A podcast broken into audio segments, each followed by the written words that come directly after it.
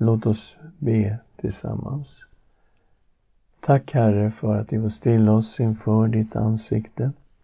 Tack för Sefanjas bok, inspirerat av dig. Och vi ber gode Gud att du ska öppna våra ögon och våra sinnen. Fyll oss med din helige Ande och tala till oss från ditt ord. I Jesu Kristi namn. Amen. Ja, den senaste profeten som vi studerade var Jesaja. Och vi såg att han slutade sitt liv runt 685, så vi är inne i 600-talet, men Sefania är senare. Vi har satt ett startdatum på honom på 638. Vi ska se lite grann hur vi tänker kring det. Vi behöver ändå sätta oss in i hur situationen såg ut i den här regionen.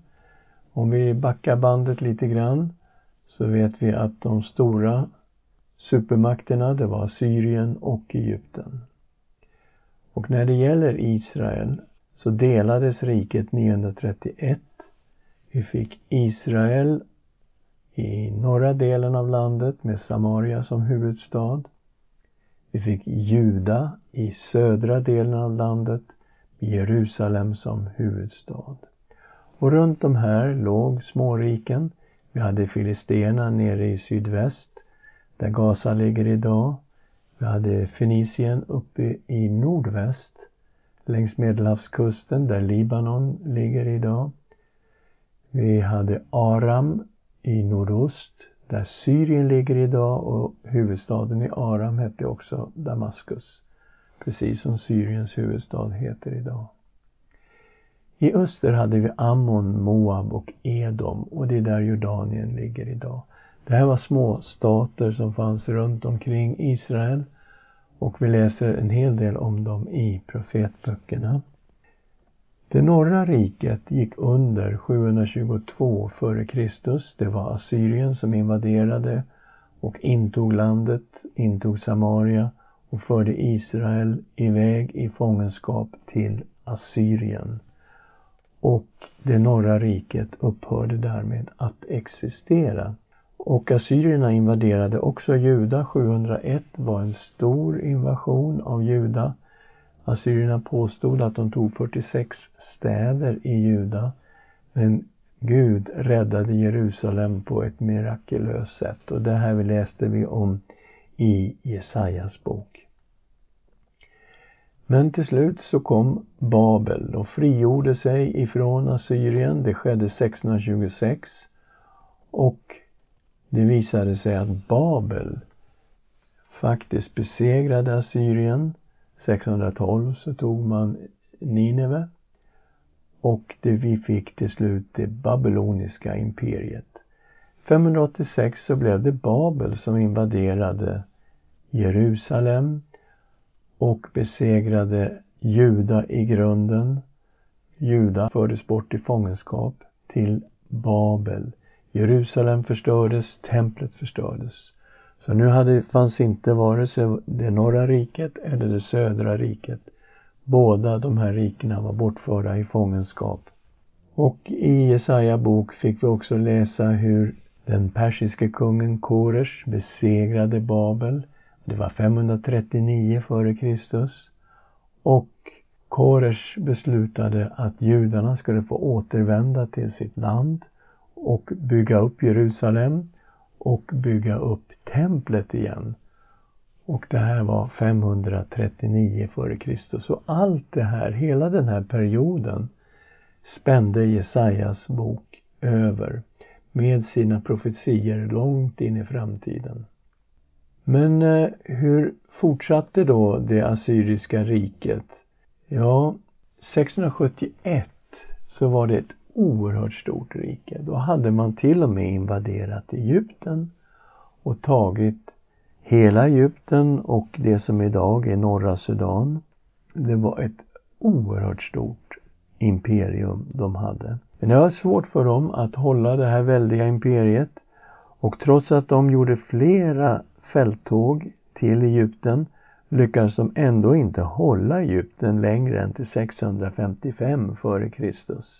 Och eh, vi sa ju att Stefania började sin period 638 så vi ser nu hur det assyriska imperiet hade börjat knaka i fogarna och vi nämnde om det här att Babylon blev självständigt 626 och att Babylon tillsammans med Medien, som idag är västra Iran, intog Nineve 612 f.Kr.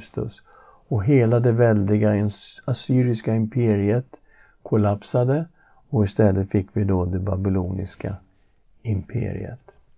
Så vi kommer nu med den här bakgrunden till Sefanjas bok. Vi har en grundförståelse av hur det såg ut i regionerna runt omkring Juda. Vi läser den första versen. Detta är Herrens ord som kom till Sefanja, son av Kushi, son till Gedalja, son till Amarja, son till Hiskia, när Josia, Amnons son, var kung i Juda. Okej, okay, så här får vi reda på några viktiga saker. Det finns en släktlinje för Sefania och han är alltså son i fjärde led till kung Hiskia. Och vi får också reda på att han var verksam när Josia var kung i Juda och det var han mellan 640 och 609 före Kristus. Så det är i den här perioden vi hittar profeten Sefania. Det här innebär ju också att han faktiskt var släkt med kungen. Sefanias bok den är framför allt riktad till Juda och Jerusalem. Men den berör hela världen, faktiskt hela skapelsen. Och när vi tittar på lite huvudteman kring den här boken Ja, då ser vi att Herrens dag är ett huvudtema. Och i Sifanjas bok så är det en fruktansvärd domedag för hela världen. Och det gäller hela skapelsen. Det är ungefär som floden i Noas tid i Första Mosebok kapitel 7. En dom som berör hela skapelsen. Och naturligtvis skulle denna dom också drabba då Juda och Jerusalem. Och när det gäller Juda och Jerusalem så är det framförallt avguderiet som tas upp här. Det faktum att det fanns avguderi i Jerusalem och i hela Juda. Och vi ska titta lite mer på hela den situationen lite senare. Den enda möjligheten för att komma undan den här fruktansvärda domen på Herrens dag, det var total omvändelse från avguderi och synd och omvändelse till Herren. De som hade vänt om och följde Herren, för dem fanns det underbara löften om frälsning och välsignelse. Men vi möter också detta att inte ens en omvändelse till Herren kunde garantera att människor skulle slippa undan Guds dom över Juda och Jerusalem. I kapitel 2, vers 3 läser vi Sök Herren, alla ni ödmjuka i landet, ni som gör vad han befaller. Sök rättfärdighet, sök ödmjukhet. Kanske blir ni beskyddade på Herrens vredes dag. Så det var inte säkert. Men kanske skulle de bli beskyddade då om de sökte Herren och vände om till honom. Och vi reagerar ju starkt när vi möter detta med Guds vrede över synd och avguderi och Guds dom över allt detta och alla människor. Och vi tänker, ja men det här är Gamla Testamentets Gud. Så är det väl inte i Nya Testamentet. Men vi glömmer lätt att till exempel Romarbrevet följer exakt samma tema som Sefanias bok.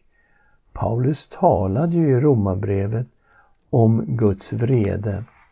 Han lägger ju ut sitt evangelium i de första kapitlerna i Romarbrevet och han inleder sin presentation av evangeliet så här i 1 och 18. Guds vrede uppenbaras från himlen över all ogudaktighet och orättfärdighet hos människorna som med orättfärdighet undertrycker sanningen. Och sen kommer en lång beskrivning av synder som finns hos alla människor. Och vi ser här att vi träffas ju mitt i prick av Paulus beskrivning av synden. Inte så att vi kan komma undan på något sätt. I kapitel 2, vers 1 till 16 så beskriver aposteln Paulus Guds rättvisa dom över alla människor. Så här står det i tolfte versen. Alla som har syndat utan lag ska också gå under utan lag. Och alla som har syndat under lagen ska dömas genom lagen. Så alla som har syndat utan lag, det gäller ju alla hedningar. Alla som inte kände till Gamla testamentets lag. Men alla som har syndat under lagen, ja det gäller ju alla judar. Och alla är under Guds dom. Hur ligger vi då till? Ja, faktiskt fruktansvärt dåligt egentligen. Han kommer till en slutsats i kapitel 3, vers 19. Men vi vet att allt som lagen säger är riktat till dem som står under lagen för att varje mun ska tystas och hela världen stå skyldig inför Gud. I Romarbrevet 3.23 Alla har syndat och saknar härligheten från Gud. Så, vi ser ju precis samma situation som i Sefania. Och det är alltså först i den här hopplösa situationen som aposteln Paulus introducerar evangeliet. Han talade om Guds rättfärdighet som människor tog emot av bara nåd genom tro på Jesus Kristus. Vi läser Romarbrevet 3.21. Men nu har det uppenbarats en rättfärdighet från Gud utan lag, en som lagen och profeterna vittnar om. En rättfärdighet från Gud genom tro på Jesus Kristus för alla som tror. Här finns ingen skillnad. Alla har syndat och saknar härligheten från Gud och det förklaras rättfärdiga som en gåva av hans nåd därför att de är friköpta av Jesus Kristus. Så, vi ser en stor likhet mellan profeten Sefanjas tema och det tema som aposteln Paulus följer när han lägger ut evangeliet i de första kapitlerna i Romarbrevet. Jag kastade ur mig ett årtal här och sa att profeten eh, Sefania han började runt 638 och vi ska se vad kan jag grunda detta på. Vi läste ju här att han var profet under kung Josias regering. Det är från 640 till 609 så någonstans här har vi Sefania. Men kan vi komma lite längre? Ja, jag tror att vi kan komma lite längre. Jag tror nämligen att profeten Sefania har en stor del i att kung Josia började söka Herren. Vi ska sätta oss in lite grann i situationen i Juda och varför det var så fruktansvärt. Efter Hiskias död så blev ju hans son Manasse kung. Och Manasse han förde in avguderi i Juda och Jerusalem i stor skala. Han var kung i 45 år och det var en katastrof. Därför att det står att han förde in mer avguderi än de folk som bott i Kanans land före Israel. Vi läser i Andra Konungaboken kapitel 21, vers 9. Men folket lyssnade inte och Manasse förledde Israels barn så att de gjorde mer ont än det folk som Herren hade utrotat för dem. Och dessutom står det om att oskyldiga människor dödades i Juda och Jerusalem. Kapitel 21, vers 16. Dessutom spillde Manasse så mycket oskyldigt blod att det uppfyllde Jerusalem från den ena änden till den andra. Detta förutom den synd som han förledde Juda med så att de gjorde det som var ont i Herrens ögon. Och allt detta oskyldigt blod, det är klart att det var oskyldiga människor som mördades på olika sätt. Men jag ser också här att det fanns människor som trodde på Jahve, som följde Herren med hela sitt hjärta och som säkert protesterade när de såg det avguderi som pågick överallt i Juda och Jerusalem. Och de blev martyrer. Alltså de som protesterade och satte sig upp mot kungen dödades. Och vi läser också hur allt detta ledde till att Guds dom redan var fastslagen över Juda och över Jerusalem. Vi kommer till Andra Konungaboken 21, vers 10. Då talade Herren genom sina tjänare profeterna och sa Manasse, Juda kung, har begått dessa avskyvärda synder. Han har gjort mer ont än amorena före honom. Alltså det var de folk som fanns i Kanans land innan Israel kom dit. Och med sina eländiga avgudar har han fått också Juda att synda.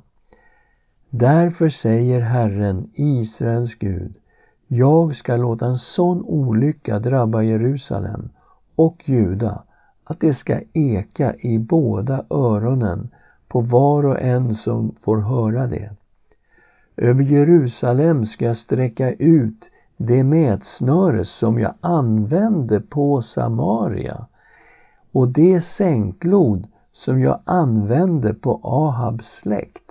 Och vi vet då att Samaria gick under 722 före Kristus när den assyriska armén kom och förgjorde Samaria.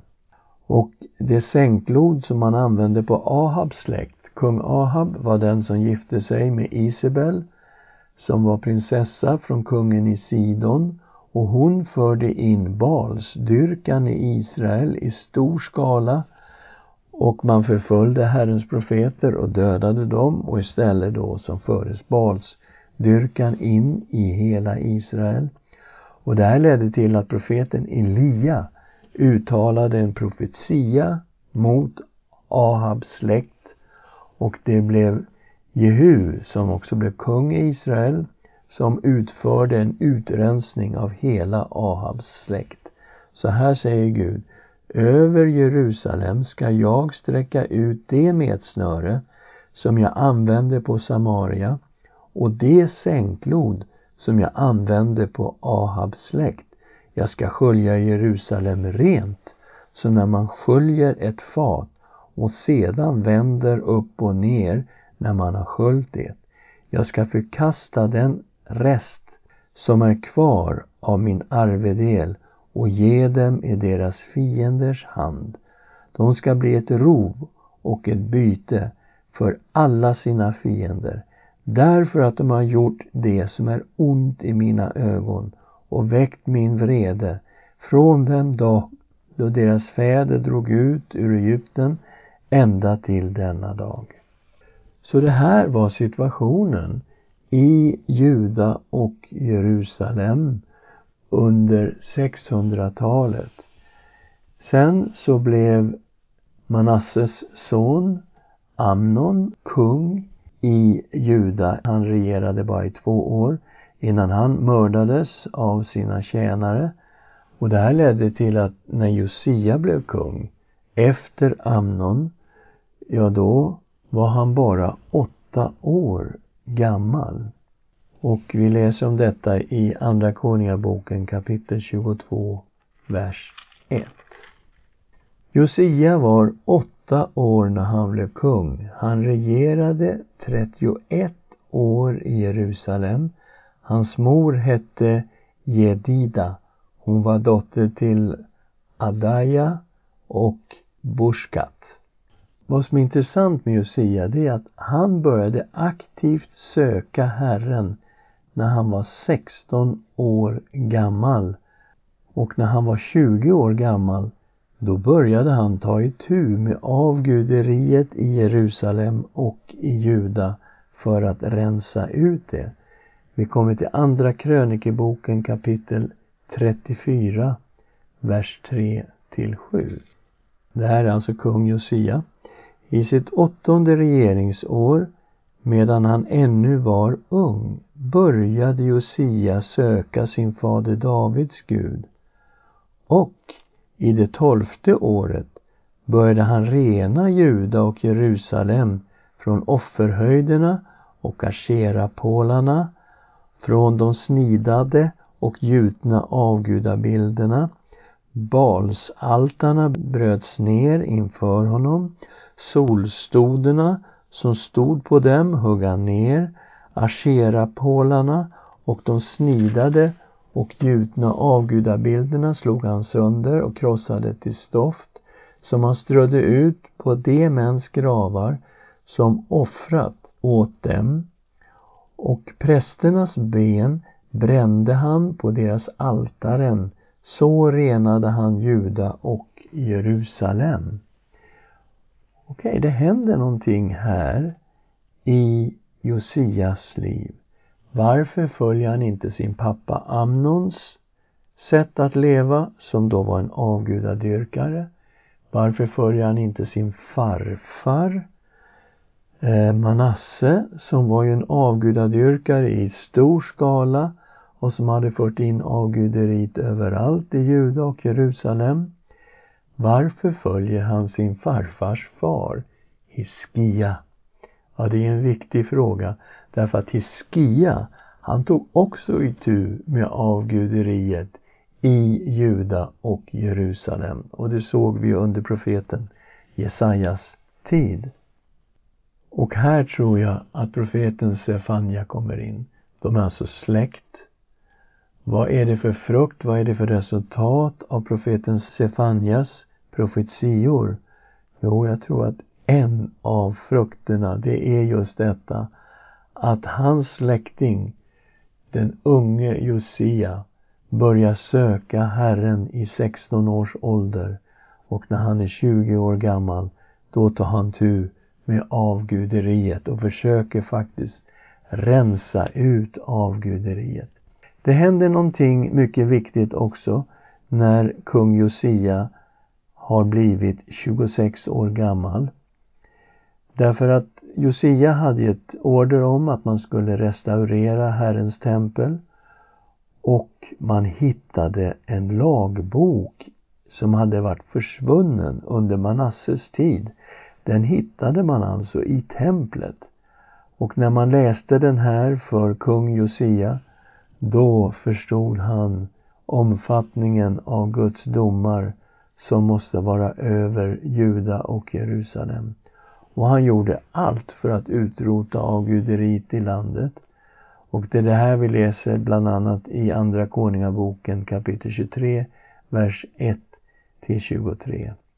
Men jag vill alltså datera Sefanias bok 638 till 628 och då har vi fått in den tid när kung Josia börjar söka Herren och när kung Josia börjar ta itu med avguderiet och han börjar följa Herren på det sätt som kung Hiskia hade gjort, han som var hans farfars far. Och jag tror att Sefania hade en jättestor roll i kung Josias omvändelse. Låt oss be tillsammans. Tack Herre för ditt ord. Tack Herre att du talar till oss från ditt ord och vi förstår att detta med synden är mycket allvarligt. Vi tackar dig Herre Jesus Kristus att du har kommit och offrat dig själv för vår skull, tagit på dig vår synd och vår skuld Och tack Herre för att du är vår frälsning och vårt offer. Vi tackar dig för att vi får vända om ifrån synden till dig och vi tackar dig Herre för ditt blod som renar oss från all synd. Vi ger dig ära i Jesu Kristi namn. Amen.